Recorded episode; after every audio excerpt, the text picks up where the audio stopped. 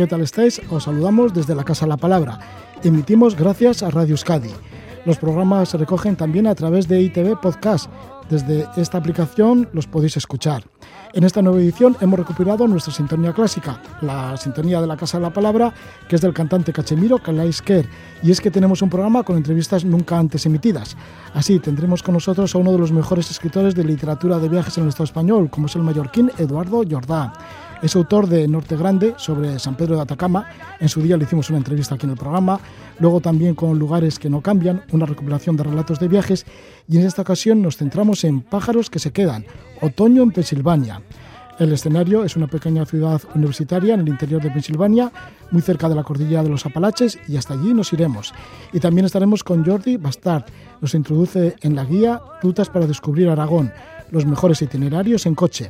Jordi conduce por Huesca, Teruel y Zaragoza por paisajes escogidos por su belleza, por su cultura y por su gastronomía. Pero antes de irnos a Pensilvania y Aragón, nuestro destino apunta a la costa de Oaxaca. Hasta allí nos va a llevar Aitor Pedrueza Carranza, que ya está con nosotros. Le damos la bienvenida. Aitor, ¿qué tal estás? Hola, muchas gracias. Muy buenas noches por estar con nosotros. Y bien, Aitor, pues sí que has descubierto en Oaxaca la costa mexicana, pero no solo eso, sino también antes conocías el interior. Exacto, sí, ya es la segunda vez que desembarcamos de alguna manera en el estado de Oaxaca, uno de los más bonitos en nuestra opinión. Y la verdad es que encantados esta vez de poder eh, descubrir una costa no muy conocida y que es realmente un paraíso. ¿Qué te puedes encontrar en la costa de Oaxaca? Así en general, ahora luego seguidita nos metemos más de lleno en ello, pero ¿qué le distingue a la costa de Oaxaca? Pues mira, te diría que es una costa poco conocida, muy segura y con una variedad de actividades, paisajes y encanto que seguro que va a hacer la delicia de los viajeros. Si te parece, escuchamos un poquito la música del grupo de Yabú, que es de allí de Oaxaca, con el título de Mi Tierra de Sol. Y es que hace mucho sol allí en Oaxaca. Bueno, siempre hace buena temperatura, ¿no? Sol y calor, la verdad. pues vamos con esta Mi Tierra de Sol de, de Yabú.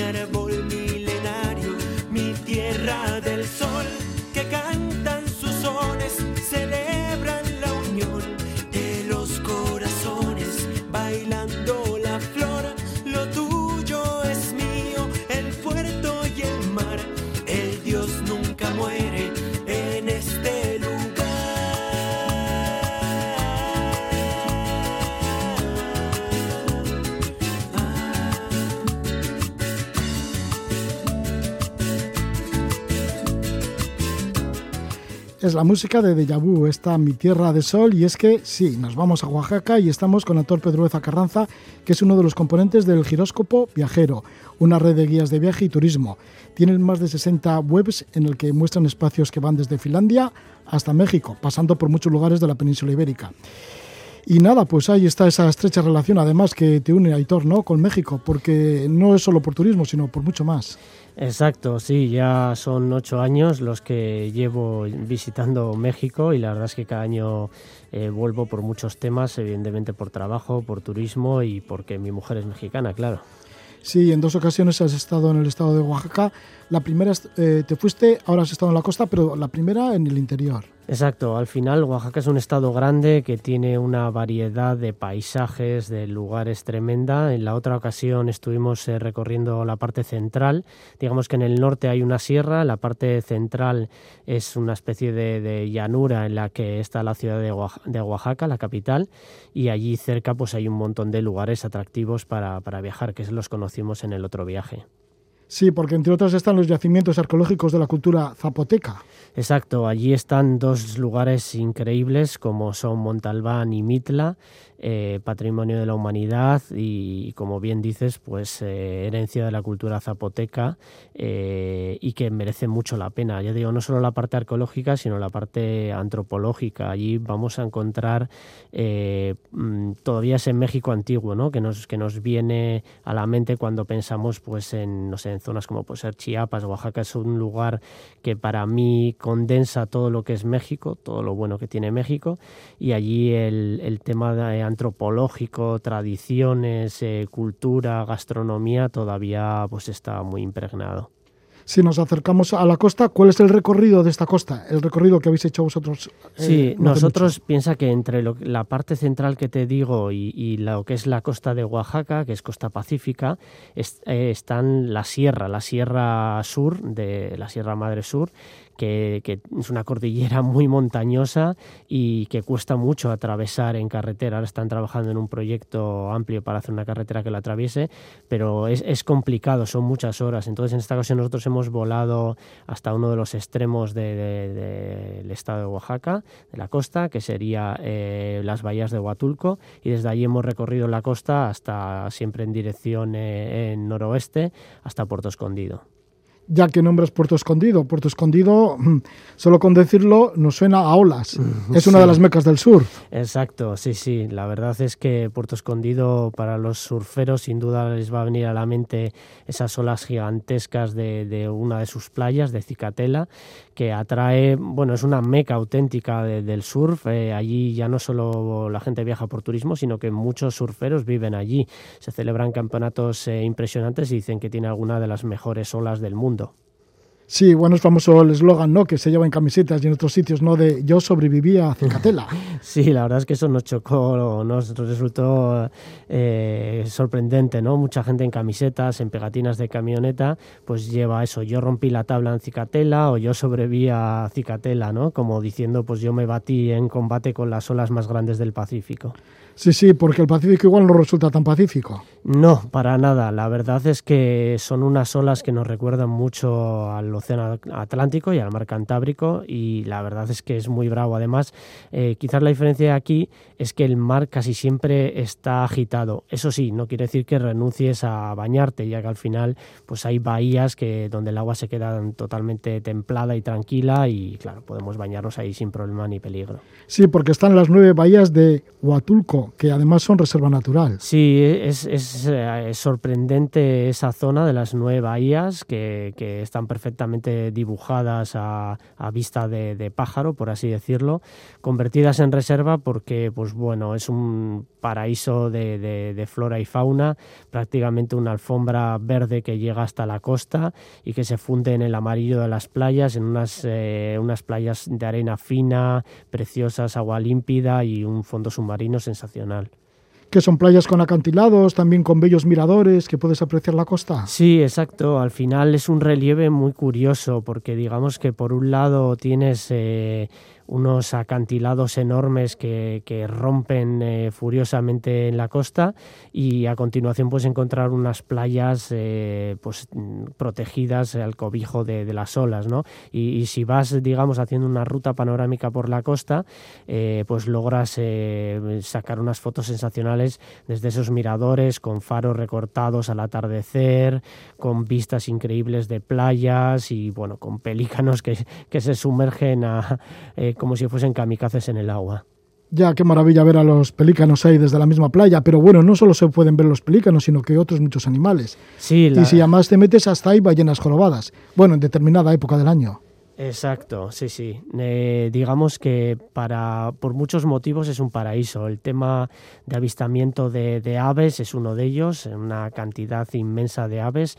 Pensemos que además de, las aves marinas mm, tradicionales, eh, hay ecosistemas y hábitats como son los manglares que, llegan hasta la costa con marismas eh, salobres en los que al final hay incluso especies endémicas. ¿no? Y lo mismo en el mar, pues te puedes encontrar con ballenas que están en temporada sobre sobre todo invernal, eh, llegando allí para, criar a, sus especímenes más pequeños, a sus cachorros, y al mismo tiempo eh, delfines, tortugas, vamos, eh, un no parar. Ya que nombras tortugas, has estado en la liberación de tortugas, en una playa cerca de Puerto Escondido. Correcto. Eh, mira, mm, te voy a dar un dato que, ya resulta paradigmático, ¿no? Al final hay siete especies de, tortugas en el mundo, seis eh, las podemos encontrar en México y cuatro de ellas eh, están en Oaxaca. Entonces, son tortugas que nacen eh, van a, por el mundo viajando y luego regresan a desovar a la misma playa donde han nacido, ¿no? Entonces es algo a poner en relieve siempre que pensemos en, un destino con unas posibilidades eh, inmensas para, disfrutar de la naturaleza. ¿Cómo son los campamentos tortugueros en el que has participado de voluntario? Sí, pues mira, eh, piensa que hacia 1990 se prohíbe la, veda se, pone la veda de, prohibición de, cazar tortugas y entonces en ese momento, eh, pese a que siga habiendo furtivos, había llegado a una situación pues, muy peligrosa la conservación de las diferentes especies de tortugas. Esos campamentos tortugueros lo que hacen es proteger de esos furtivos, eh, se dedican a, recorrer las playas por la noche, disuadir primero a esos furtivos y luego encontrar a las tortugas desobando Mm, dejarlas evidentemente que dejen los huevos en la arena, los entierren, luego ellos los desentierran, los llevan a áreas eh, protegidas para que, bueno, básicamente otros animales tampoco los devoren, como ser cangrejos y gaviotas, etcétera, o, roedores, y luego a partir de ahí, cuando ya nacen, eh, se procede a liberarlas en el mar. ¿Has estado en esta liberación de las tortuguitas? Correcto, sí. Nosotros pudimos estar eh, un par de días haciendo esta liberación, disfrutando del placer primero de, conocer, ¿no? Eh, hacen una charla formativa en la que te explican la situación de, las tortugas, porque es importante la conservación, etcétera. Eh, y luego lo que se procede es a la liberación al atardecer de, las tortugas recién nacidas. Se, va con una, una, jícara, un pequeño cuenco hecho de coco con, en el que te entregan la tortuga y te acercas a la orilla para, para liberarla. Es una experiencia fascinante, la verdad tiene que ser emocionante, ¿no? Además que las tortuguitas se vayan acercando a la playa, que más o menos las vayas controlando, porque claro, tendrán muchos peligros estas tortuguitas, no solo con los furtivos, sino que también con otros animales, y luego lo que les espera en la mar. Sí, exacto. Eh, tenemos que pensar que el índice de supervivencia de las tortugas ya de por sí es bajo. Al final es una cadena alimenticia, ¿no? Eh, y, los peligros que la acechan, además del humano, que, es el más peligroso, pues están los propios peces, están eh, las propias gaviotas.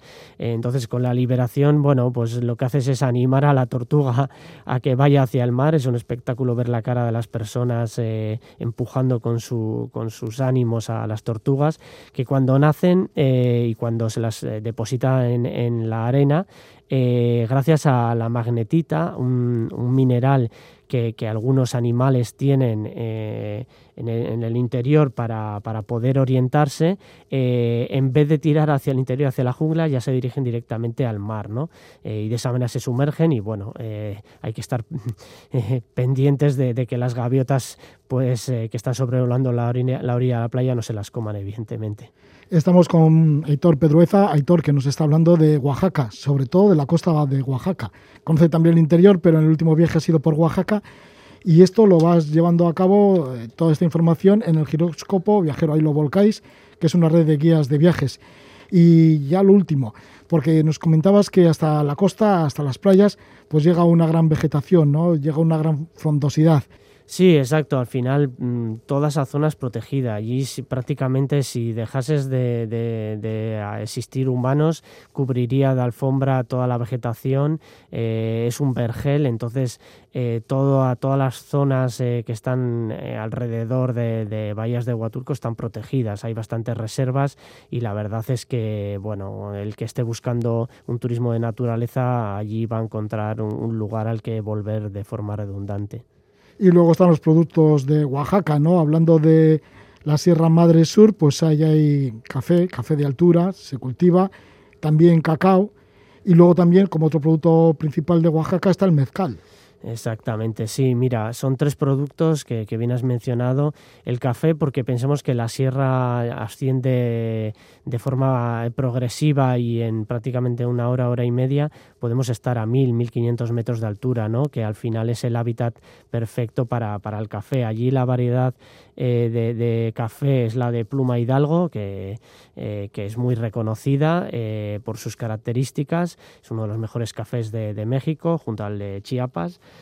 y en función de la altura pues se consigue mejores características para el crecimiento del café. Cuanto más altura es, más ácido y menos aromático y eso también pues, le aporta una calidad. Y con respecto a lo que decías del cacao, lo mismo, hay una producción enorme de cacao, es eh, muy sabroso, hacen degustaciones de, cacao, de chocolate de cacao sin leche y, vamos, que te vas a chupar los dedos allí. Y lo último que comentas del mezcal, sí, Oaxaca es una tierra de, mezcal, que, se, es un destilado del agave y lo que nos permite eh, es también observar allí en los palenques, que son los lugares de fabricación, pues todo el proceso de, elaboración, algo tremendamente interesante con su gusto ahumado. Pues ahí está, las bellezas y los sabores de Oaxaca. Nos ha llevado por su costa, la costa de este estado de México, a Héctor Pedrueza Carranza que es uno de los componentes del giróscopo viajero. Para tener más información, pues ahí podemos encontrarla. ¿no? Exacto, en el giróscopo viajero o turismomexico.es, que es nuestra web específica de México. Muchísimas gracias por tu visita, Aitor Pedrueza. Un placer, como siempre, Roge, gracias. Vale, igualmente. Y continuamos aquí en la Casa de la Palabra y ahora vamos a estar con Eduardo Jordá, vamos a llamarle a Mallorca, y ahí nos va a presentar su libro Pájaros que se quedan, Otoño en Pensilvania.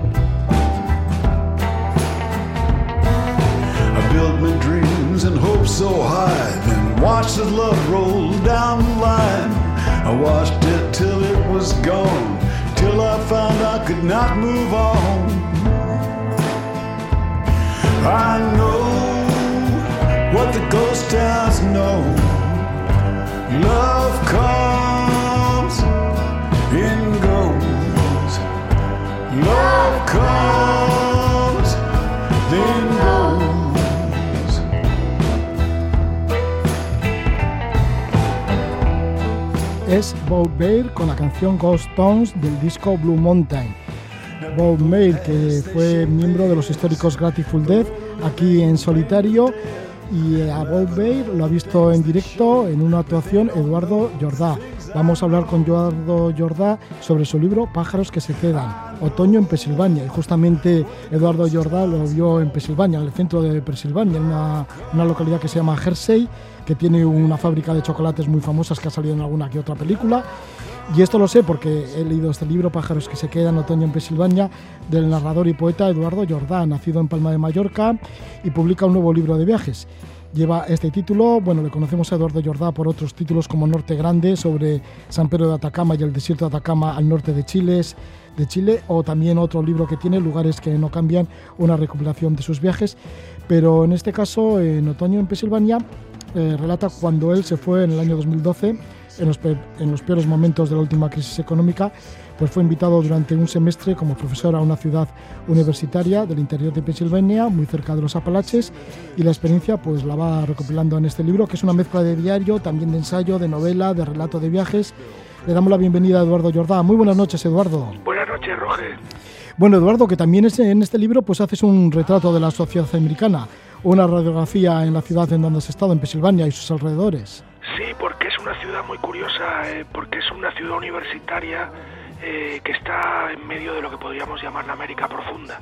Eh, porque Pensilvania es un estado que aunque pertenece a la zona este y teóricamente forma parte de la zona más civilizada y culta y, europeizada, en buena medida el interior es una zona bastante parecida a los estados, digamos que son más 100% americanos en el peor sentido de la palabra, ¿no? en el sentido de la desigualdad, la, una población muy cerrada y muy desconfiada hacia todo lo que viene de fuera, una población que también vive encerrada con sus obsesiones y sus miedos, y ese contraste eh, que se daba en una ciudad pequeñita que tenía 15.000 habitantes, entre una comunidad universitaria, que es de lo más avanzado, de lo más liberal, que vive en una burbuja que está rodeada por una comunidad totalmente opuesta y antagónica y con la cual prácticamente no tiene ninguna relación, que vive en un medio muy distinto, en el que las ideas son totalmente opuestas, es mucho más conservadora, mucho más retrógrada, es lo que me, lo que me apetecía radiografiar, ¿no? La coexistencia de esos dos mundos, que son casi dos entidades paralelas que viven en dimensiones de, de la realidad por, por completo distintas, en los que la gente tiene ideas y formas de entender la vida totalmente opuestas. Y es que el estado de Pensilvania fue fundada por puritanos y por cuaqueros. Exacto, eh, es una es una es un estado que es eh, bueno, la prueba es que no puedes comprar cerveza en ningún sitio a menos que vayas a unas naves especializadas donde tienes que comprar la cerveza en packs no sé si es de 24 o de 36 latas, con lo cual tienes que ir en coche y necesitas una infraestructura que impide que la gente se compre un botellín de cerveza o una lata en el súper como hacemos todos, ¿no? Entonces, bueno, es e, e, eso que se llama una cierta ley seca con respecto a la venta de alcohol no solo ocurre en Pensilvania, sino en muchísimos otros estados de, de lo que se llama el cinturón seco de Estados Unidos. Ya te advirtieron nada más llegar a Pensilvania que es un estado con muy poca diversión. Es muy es un estado muy muy aburrido, muy muy poco aficionado a la diversión. Cuando hablamos de América, a veces tenemos la idea de las de California, las playas, el hedonismo, Nueva York, la vida bulliciosa, eh, o Chicago, una, la ciudad del blues, del, eh, una ciudad donde continuamente pasan cosas, pero realmente eh, eso, esas grandes ciudades son en realidad la excepción de la regla de una vida en la América profunda que es todo lo contrario. Es una vida muy monótona, muy aburrida, en la que raramente pasa algo y cuando pasa, por desgracia, suele ser una tragedia, un crimen, un asesinato, un, un caso de un, un, robo, etcétera. Y entonces, claro, eh, el, el, la, la, la idea era esa, ¿no? Retratar ese mundo en el que prácticamente no pasa nada también vas contando en forma, de diario, casi como en forma de diario. Luego parece que es como una novela, luego parece que también es un ensayo. Sí. Bueno, el caso es que también vas contando lo que te va sucediendo. Y es que llegas a Pensilvania por una cosa bastante curiosa, por un poema tuyo, que se llama Corazón, que lo leyeron allí en la universidad y dijeron, este tiene que venir aquí a un... Sí, sí. Bueno, pues a un encuentro de, de poetas. Sí, sí, es muy curioso porque la gente piensa que la poesía no sirve de nada y en realidad dedicamos a la poesía, porque yo también soy poeta, sabemos que rara vez se nos recompensa o se no o tiene la más mínima repercusión, pero curiosamente este poema mío que apareció en una pequeña publicación casi invisible llamó la atención de un profesor del departamento de esta universidad y al cabo de un año o dos me ofreció ese puesto de trabajo, como has dicho tú, en lo peor de la crisis, en momentos en que yo estaba pasando un momento muy malo y acepté, encantado. Y esto lo viviste de, de primera mano y ahí lo retratas también. Sí. Eh, el lugar era Carlisle. Que Carlisle, o Carlisle. Carlisle se llama. Sí. Es, eh, sí, es una pequeña población en el centro de Pensilvania, cerca de los Apalaches, que realmente no llama la atención por nada. Eh, lo único que, el único acontecimiento relativamente turístico conocido es que cada año se organiza la, el desfile anual de Corvettes. Los Corvettes son, es, un modelo de coche de la marca Chevrolet que a los americanos les fascina y que en verano, en, me parece que se, a finales de agosto, se reúnen desde, desde todos los lugares de América los propietarios de Corvettes y recorren la calle principal de Carlisle a lo largo de una hora. Eso es todo, a 5 kilómetros por hora, ¿eh? O sea, una, hasta el coche de mi sobrino va más deprisa, pero así pasan y para, para ellos es un acontecimiento inenarrable. De camino a Carlisle te espera una compañera que se llama Nora, que te va introduciendo un poquito en el ambiente de Pensilvania y te dice que hay que tener cuidado con los osos en la carretera porque el año anterior o por lo menos en ese año llevaban 608 osos atropellados. Eso es lo que te dicen, los osos y los ciervos, mucho cuidado porque eh, esa es otra característica de la América profunda, que nosotros asociamos América con rascacielos, autopistas, carreteras, coches, pero realmente la América profunda está vacía. Y todavía tiene una gran eh, o mm, superficie de, naturaleza pura. Los bosques de Pensilvania son enormes, son gigantescos. Y entonces eh, en esos bosques, pues afortunadamente viven ciervos y viven osos y viven toda clase de animales. Y uno de los grandes peligros de conducir por Pensilvania es atropellar a un ciervo o a un oso porque el impacto no solo mata al ciervo, sino que te puede matar a ti, eh, evidentemente. Ahí están los Apalaches, ya lo has comentado. Y sí que te has dado paseos por el Appalachian Trail, que también es uno de los, de los más famosos eh, senderos que hay en el mundo. Sí, especie de camino de Santiago americano, porque cruza toda la costa este desde Carolina del Norte hasta Maine. Son cuatro, son casi 5.000 kilómetros de sendero. Normalmente a través de terreno montañoso, algo, a veces hay trechos que van por una, por una superficie llana, pero suele ser por terreno montañoso, muy salvaje, muy bello, en el que hay como en el, como en el Camino de Santiago hay unos pequeños refugios, no no tan eh, no está tan bien eh, preparado para recibir visitas porque todavía sigue siendo bastante digamos que está eso es algo para para gente que hace trekking no es para gente que va con unas condiciones de, alojamiento más confortables y entonces hay como unas cabañas unos cobertizos unas pero eso es lo único que hay. ¿ah? De vez en cuando hay un hotelito, pero vamos, en general son solo esas cabañitas que te encuentras. Y entonces pues la gente sí lo hace, es, es una especie de rito sendero este que se llama el, el sendero de los Apalaches. Los que los terminan además son considerados casi como héroes, ¿no? Porque son más de 5.000 kilómetros claro, claro, hasta la frontera con Canadá. Claro, es desde Carolina, que es el sur, hasta Maine, que es la frontera con Canadá. Entonces, para ellos es como el, el, el camino de Santiago. El haber hecho todo el, el, sendero de los Apalaches es una hazaña. Evidentemente hay gente que lo hace, en eh, hacerlo seguido es imposible porque son 5.000 kilómetros, hay que ser un Superman, pero la gente lo va haciendo como lo hace mucha gente en España, ¿no? Poquito a poco, por trechos, 200 kilómetros un año, otro, otro, otro trecho, y así lo van haciendo, ¿no? Eh, y la verdad es que es, es lo poco que conozco yo, porque yo tuve la oportunidad de ver solamente una, una parte mínima, es realmente impresionante de belleza. Sí, era un, algo muy deseado desde que tenías nueve o diez años, allá por el año 1965, ¿no? Que tu padre pues os dijo, nos vamos a ir a Estados Unidos seguramente, claro. que voy a trabajar en un hospital allí. Sí. Y tú entonces empezaste a devorar los mapas y te repasabas cada uno de los estados de Estados Unidos y te ibas aprendiendo lo que sucedía en cada uno de estos sitios.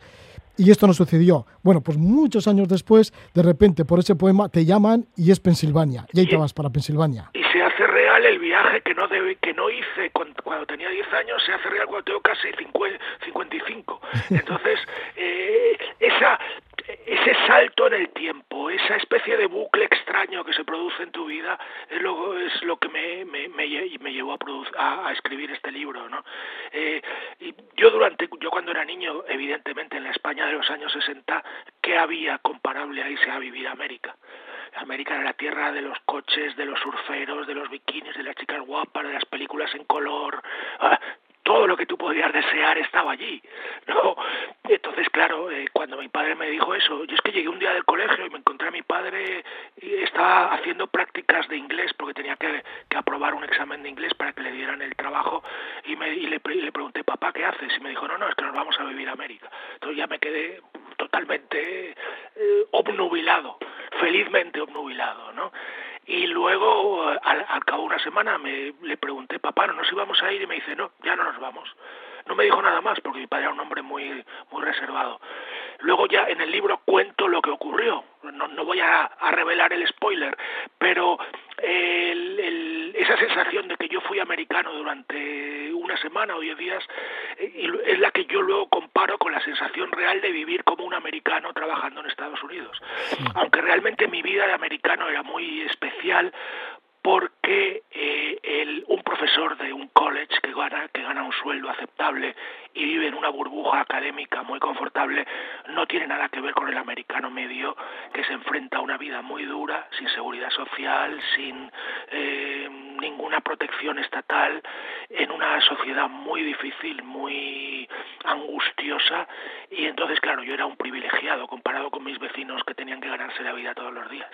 Todo esto y muchísimo más pues se puede encontrar en este libro, Pájaros que se quedan, Otoño en Pensilvania. Estamos con Eduardo Jordá, su autor, y además este libro ha obtenido el premio Eurostar Hotels de narrativa de viajes. Pues muchísimas gracias por estar con nosotros, Eduardo Jordá, y que vaya bien con tu libro, Pájaros que se quedan, Otoño en Pensilvania, que lo edita RBA. Bueno, pues eso, que vaya todo muy bien y esperaremos otro de tus libros, porque siempre son muy buenos para todos los que nos gusta la literatura de viajes. Recuerdo muchísimo Norte Grande, y la entrevista que te hice hace ya, pues yo 15 años. o, más, o más. O más, sí. O más, o más. Sí, sí, sí. Que hablamos de Atacama, del desierto de Atacama. El desierto de Atacama, que ahora por desgracia, bueno, por desgracia, ahora se ha convertido en un lugar turístico. Cuando yo estuve allí era un sitio todavía bastante desconocido. Sí, que solo iban los hippies. Exacto, exacto. sí, sí, sí. Me acuerdo de eso, sí, que nos contabas. ¿Te acuerdas? Claro, lo hablamos, sí, lo hablamos. Sí, sí, sí.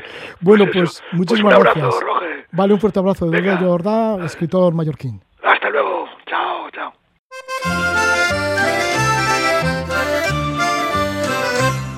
Brujica, ven a bailar la polca de la luna llena. He preparado una que la para ti, a ver si los niños se van pronto a dormir. Aflójate el cinturón y aparca por ahí la escoba. Voy a buscar al refrigerador un filtro de amor o dos. Lunas llenas parecen tus ojos, no te asustes si me oyes aullar. Mira niña, qué cuarto creciente con tus artes pronto lenguará. Anda pues échame un sortilegio, que yo a ti un par te quisiera echar. A que la red de dos me olvidé de invitar a tu jefe a aquel buco infernal. Brujica, ven a bailar la polca de la luna llena.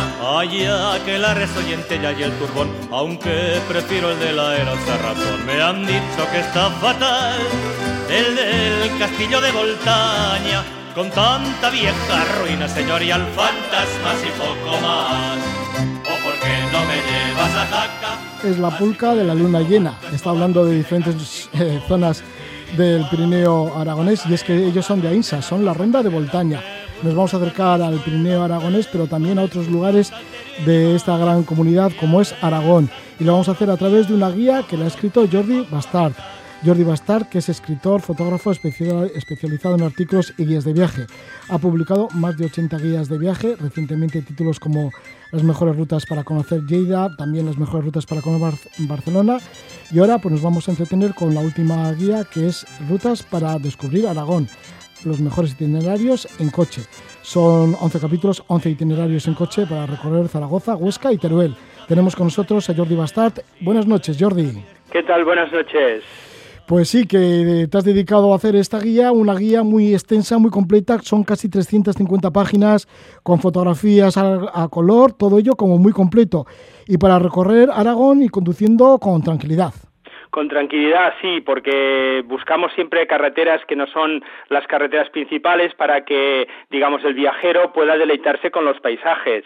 Y, me hace gracia porque ahora con esta música que estabas poniendo, estabais poniendo, eh, estabais hablando de un aquelarre y precisamente eh, si empezamos a descubrir Aragón por el norte, que sería por el Pirineo, Pirineo de Huesca, que además es el, Pirineo más abrupto de toda la cadena montañosa de los Pirineos. Eh, en Villanúa, me hace gracia porque eh, en la población de Villanúa hay la cueva de las Huishas, que la cueva de las Huishas que se visita es donde las Huishas, las brujas, hacían los aquelarres. Me ha hecho mucha gracia con la, con la música que poníais, que aunque era de Voltaña y eso está un poco más lejos, tiene mucha, mucho sentido, ¿no? Sí, porque eh, luego en la canción habla también de Jaca y así. exacto. Que, Jaca está lo de Villanúa. Exacto. Eh, lo bueno de, digamos, del Pirineo Huesca es que tenemos una carretera que es la Nacional 240, que es transversal a la cadena montañosa, y a partir de aquí descienden todos los valles a cada cual más bonito. Si empiezas, por ejemplo, por la parte más, occidental, valles de Ansoy y Hecho, después viene el Valle de Aragón, el Valle del Tena, el Valle de Ordesa, no nos vamos a olvidar de Ordesa con el Parque Nacional, el Valle del Cinca, y evidentemente a todo esto, y ahora que estamos en invierno, las estaciones de esquí que coronan cada uno de estos valles. Eh, tenemos Canfranc, tenemos Formeigal, tenemos Astún, tenemos Panticosa y tenemos Cerler. ¿Qué más se puede pedir a una mm, región en este sentido que ofrece todo esto? Yo, mm, claro, mm, tú me preguntarás, ¿y de todo eso con qué te quedas? Hombre, yo, te diría que cada valle tiene su encanto, cada valle tiene su encanto. Eh, el de Ordesa, ya sabemos, uno de los primeros parques nacionales que se estableció en el Estado español. ¿Y por qué? Pues porque el que quiere hacer una excursión sencilla, pues va por el río Arazas y llega hasta la cola de caballo. Son cuatro horas que, bueno, se pueden pasear tranquilamente.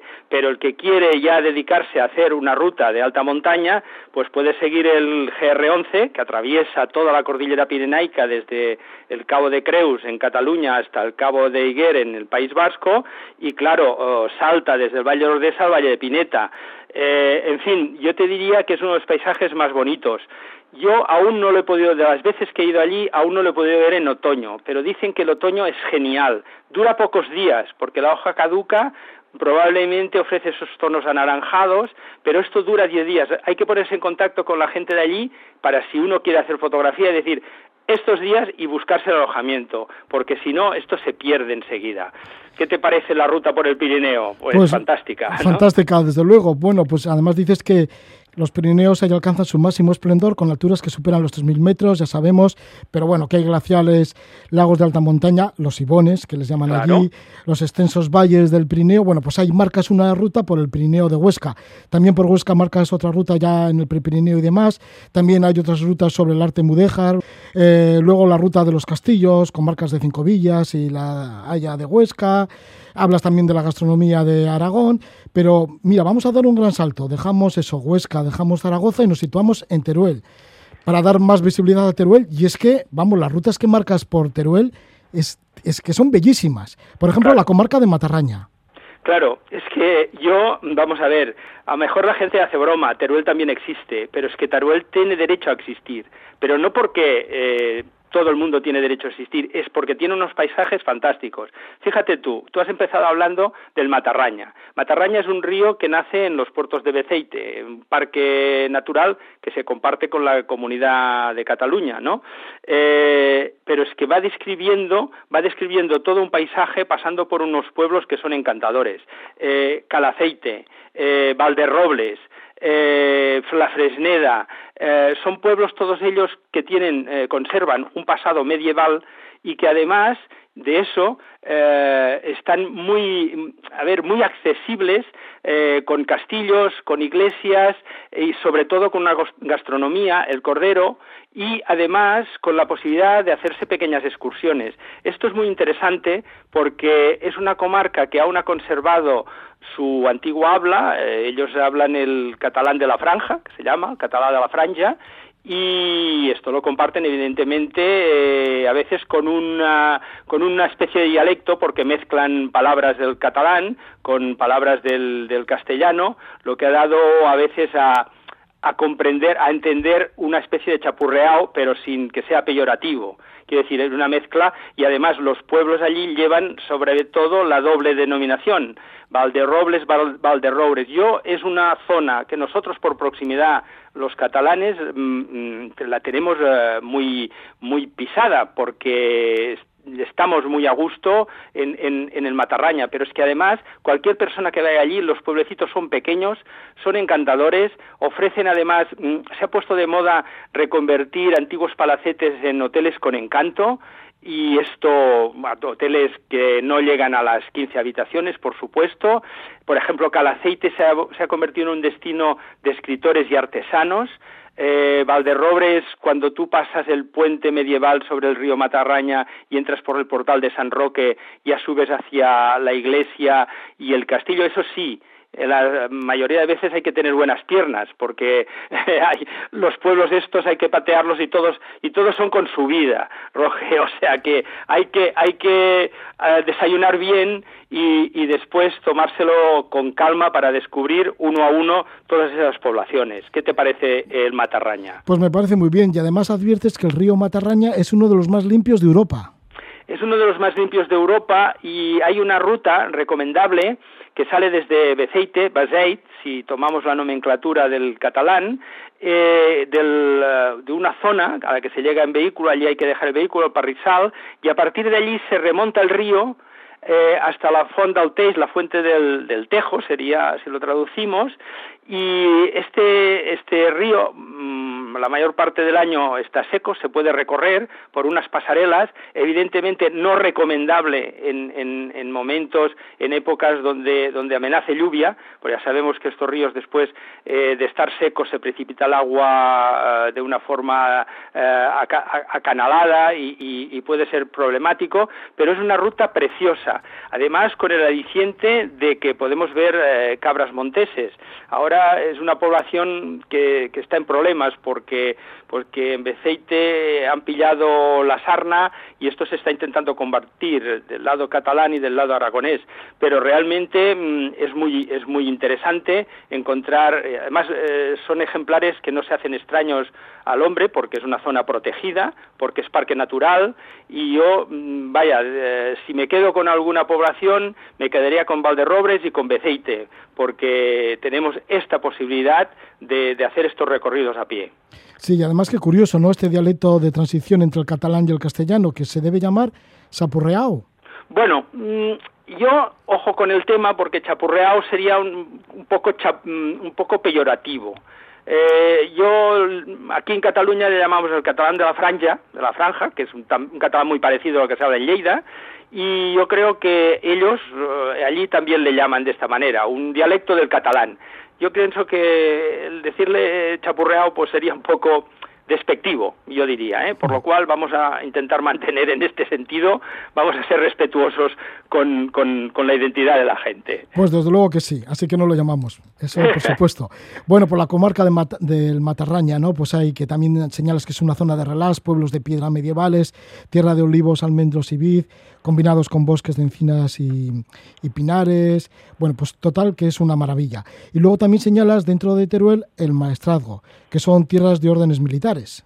Claro, es que el nombre de maestrazgo viene de maestre. Maestre era el, bueno, el capo, el que, el que dirigía, el, jefe de las órdenes militares que se establecieron en esta zona eh, y después de la reconquista, cuando estas tierras ya se, se reconquistaron a, los árabes, las órdenes de Calatrava, Templarios y San Juan de Jerusalén, pues fueron las que mm, se, les dio la posibilidad de levantar castillos para defender la frontera.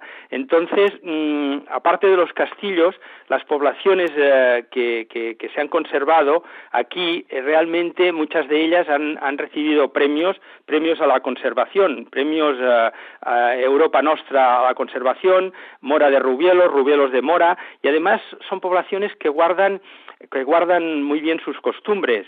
Eh, aquí, aparte de la Jota, evidentemente, la Jota, digamos, típica de esta región, que sería la Jota aragonesa, pero concretamente enraizada aquí en el maestrazgo, pues eh, se hace mucha, mucha festividad eh, con, con el toro, con la vaquilla. Eh, se corre la vaquilla, se corre el toro, el toro embolado. Yo sé que esto a veces ahora está pues un poco en discusión eh, porque hay, gente que piensa, pues bueno, que piensa y a lo mejor tiene razón que, no es una manera de, digamos, de, perjudicar a, los animales, pero mm, intentan ser respetuosos en ese sentido y las fiestas se mantienen en este aire tradicional. Eh, otra cosa interesante, por ejemplo, en Mora de Rubielos tenemos un castillo visitable, un castillo que además lo ha recuperado el municipio, muy muy muy bonito. Y eh, para quien quiera esquiar eh, hay dos estaciones, eh, Linares de Mora y, y Valde, Valdelinares, en, en, Linares de Mora, en la Sierra de Gúdar, que está un poco más al sur, son estaciones pequeñitas, pero aquel que quiera empezar y no quiera ir a estaciones de grandes pistas negras, pues es un sitio muy interesante para hacer los primeros pinitos. Y si hay alguien aficionado a la gastronomía, en, la Sierra de Gúdar parece que se da una de las mejores eh, zonas truferas de todo el Estado español. Mm, esto ha generado hasta un negocio porque no solo venden la trufa, evidentemente, que mantienen en secreto donde, donde pueden ir a buscarla, sino que venden hasta las encinas para que tú las plantes, en, si tienes una propiedad, para que puedas, las puedas plantar, puedas regar y puedas intentar cultivar tu propia trufa, lo cual no deja de ser una curiosidad que yo no conocía. Yo pensaba que esto, eh, bueno, se daba en los bosques, en plan salvaje, pues no. Uno, evidentemente, esto puede hasta intentar crearse, eso sí, tardará como siete ocho años en, tener trufa, pero bueno, eh, solo, todo es ponerse. Todo es ponerse. Sí, Jordi Bastar, que nos está comentando algunas de las rutas que ha señalado por Teruel. Está la comarca de la Matarraña, está el Maestrazgo, bueno, que todavía habría que nombrar muchas cosas más, pues eso, antiguas fortalezas, incluso pues un pueblo ahí precioso colgado de un barranco, cascos antiguos muy cuidados, villas amuralladas y demás. Y luego, claro, hablando de, de Teruel, pues está la Sierra de Albarracín, que también marca una ruta por ahí. Sí, eh, a ver, es otra de las otra de las zonas. Piensa que todo esto, eh, Maestrazgo a un lado, mm, a oriente y Albarracín a occidente, tendrían como punto intermedio la ciudad de Teruel. La ciudad de Teruel, en fin, para quien no la conozca, es la capital del Mudéjar. El Mudéjar eh, es patrimonio de la humanidad. Quiero decir, es un arte que ha trascendido a través del tiempo y que mantiene la, cerámica vidriada en las torres y además eh, al pie de una de ellas, la, de San Pedro, tenemos, mm, en fin, eh, la famosa leyenda de los amantes de Teruel, que por fin les han hecho un centro de interpretación como Dios manda, porque antes estaba realmente quedaba un poco cutre, esta es la palabra, pero ahora tiene un centro de interpretación precioso y allí pues eh, tienen están las tumbas. No se sabe si las momias que hay dentro fueron de los amantes lo que sí fueron encontradas de la época en que sucedió la fantástica historia de amor entre los dos personajes. Eh, me decías eh, Albarracín yo de Albarracín me quedo realmente con la ciudad. La Sierra de Albarracín es fantástica pero es que el pueblo de Albarracín con este color eh, rojizo y con esta muralla que lo defiende por la parte trasera y por el, con el río Guadalaviar que pasa por abajo, eh, es para eh, estar allí no, no un fin de semana, sino pasar varios días, varios días y hasta una semana entera, porque además la curiosidad de Albarracín es que desde el mismo Albarracín parte una ruta para descubrir lo que se llama el Parque Cultural de Albarracín. Hace ya unos años se descubrieron numerosas pinturas rupestres, pinturas rupestres que, mm, que datan desde 2000 a 6000 años de nuestra era. Pero esto puso al Barracín, eh, digamos, en el primer plano de este arte, que además está protegido también por la UNESCO, Patrimonio de la Humanidad, todo el arte rupestre en la zona del Levante, del Levante, digamos, eh, de la península ibérica, está protegido. Y entonces hay una ruta muy interesante, donde además eh, tienes una serie de miradores, unos itinerarios señalizados, y puedes ir descubriendo, eso sí, detrás de, una reja para no perjudicar la pintura y el grabado, y con esto pues recorres toda la parte digamos eh, sur eh, de, Albarracín de la Sierra de Albarracín donde se mezcla la roca de Ródeno y los pinares. El Ródeno es esta roca rojiza arenisca que mm, a quien le gusten los castillos y quien le gusten los paisajes, yo le recomiendo ir a, visitar al norte de, esta comarca el castillo de Peracense, que realmente la fortaleza, en, el, en el libro precisamente, el capítulo de la Sierra de Albarracín se abre con una foto de este castillo, donde, donde se mezclan las rocas casi con, con la muralla. Ahora este castillo no es rehabilitado, se puede entrar en el interior, hay una serie de, de, máquinas de guerra de la época, digamos que los castillos se asaltaban con las lombardas y fue realmente inexpugnable pero lo bonito es la configuración entre lo que es la roca, el ródeno, y el, la piedra del castillo.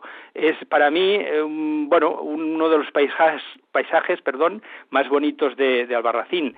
Esto, la población de Albarracín y sobre todo esta ruta que os comentaba de las pinturas y grabados rupestres. Eh, podemos ir al nacimiento del Cabriel, del río Cabriel, que nace eh, así como los ojos del Gabriel le llaman, hay una surgencia de agua, eh, se llega a pie, una ruta muy interesante y muy corta, y además pues eh, también podemos desplazarnos por pistas forestales pero que están en muy buen estado hasta la laguna de Bezas que ya está más al sur, digamos, eh, en la parte, digamos, eh, más sur de la provincia, fantástica, con un poco de suerte podemos observar aves acuáticas y es realmente un paraíso si después además terminamos en Teruel, como te decía al principio, y degustando eh, este eh, jamón de Teruel, que además tiene denominación de origen. No tenemos de olvidarnos que cualquier viaje tiene su contrapunto en la gastronomía y la gastronomía es importante sobre todo por el recuerdo que te llevas. Pues este es un itinerario, uno de los once itinerarios, uno de los once capítulos que aparecen en este libro, los mejores itinerarios en coche, rutas para descubrir Aragón. Sobre todo nos hemos centrado en Teruel. Muchísimas gracias Jordi Bastar por estar con nosotros. Un fuerte abrazo y que sigan los viajes y las guías, porque ya tienes más de 80 guías escritas, ya estaremos en otra de ellas. Muy bien, pues muchas gracias y buenas noches. Este libro, Rutas, esta guía, Rutas para descubrir Aragón, los mejores itinerarios en coche, lo edita Sua Edisioac. Tras recorrer Aragón en coche, escuchamos a la cantante asturiana Lorena Álvarez. Interpreta el tema La Rosa. Está acompañada de los rondadores del Val de Hecho, del Pirineo de Huesca. Gracias por atendernos, un abrazo y el deseo que la vida sea un disfrute.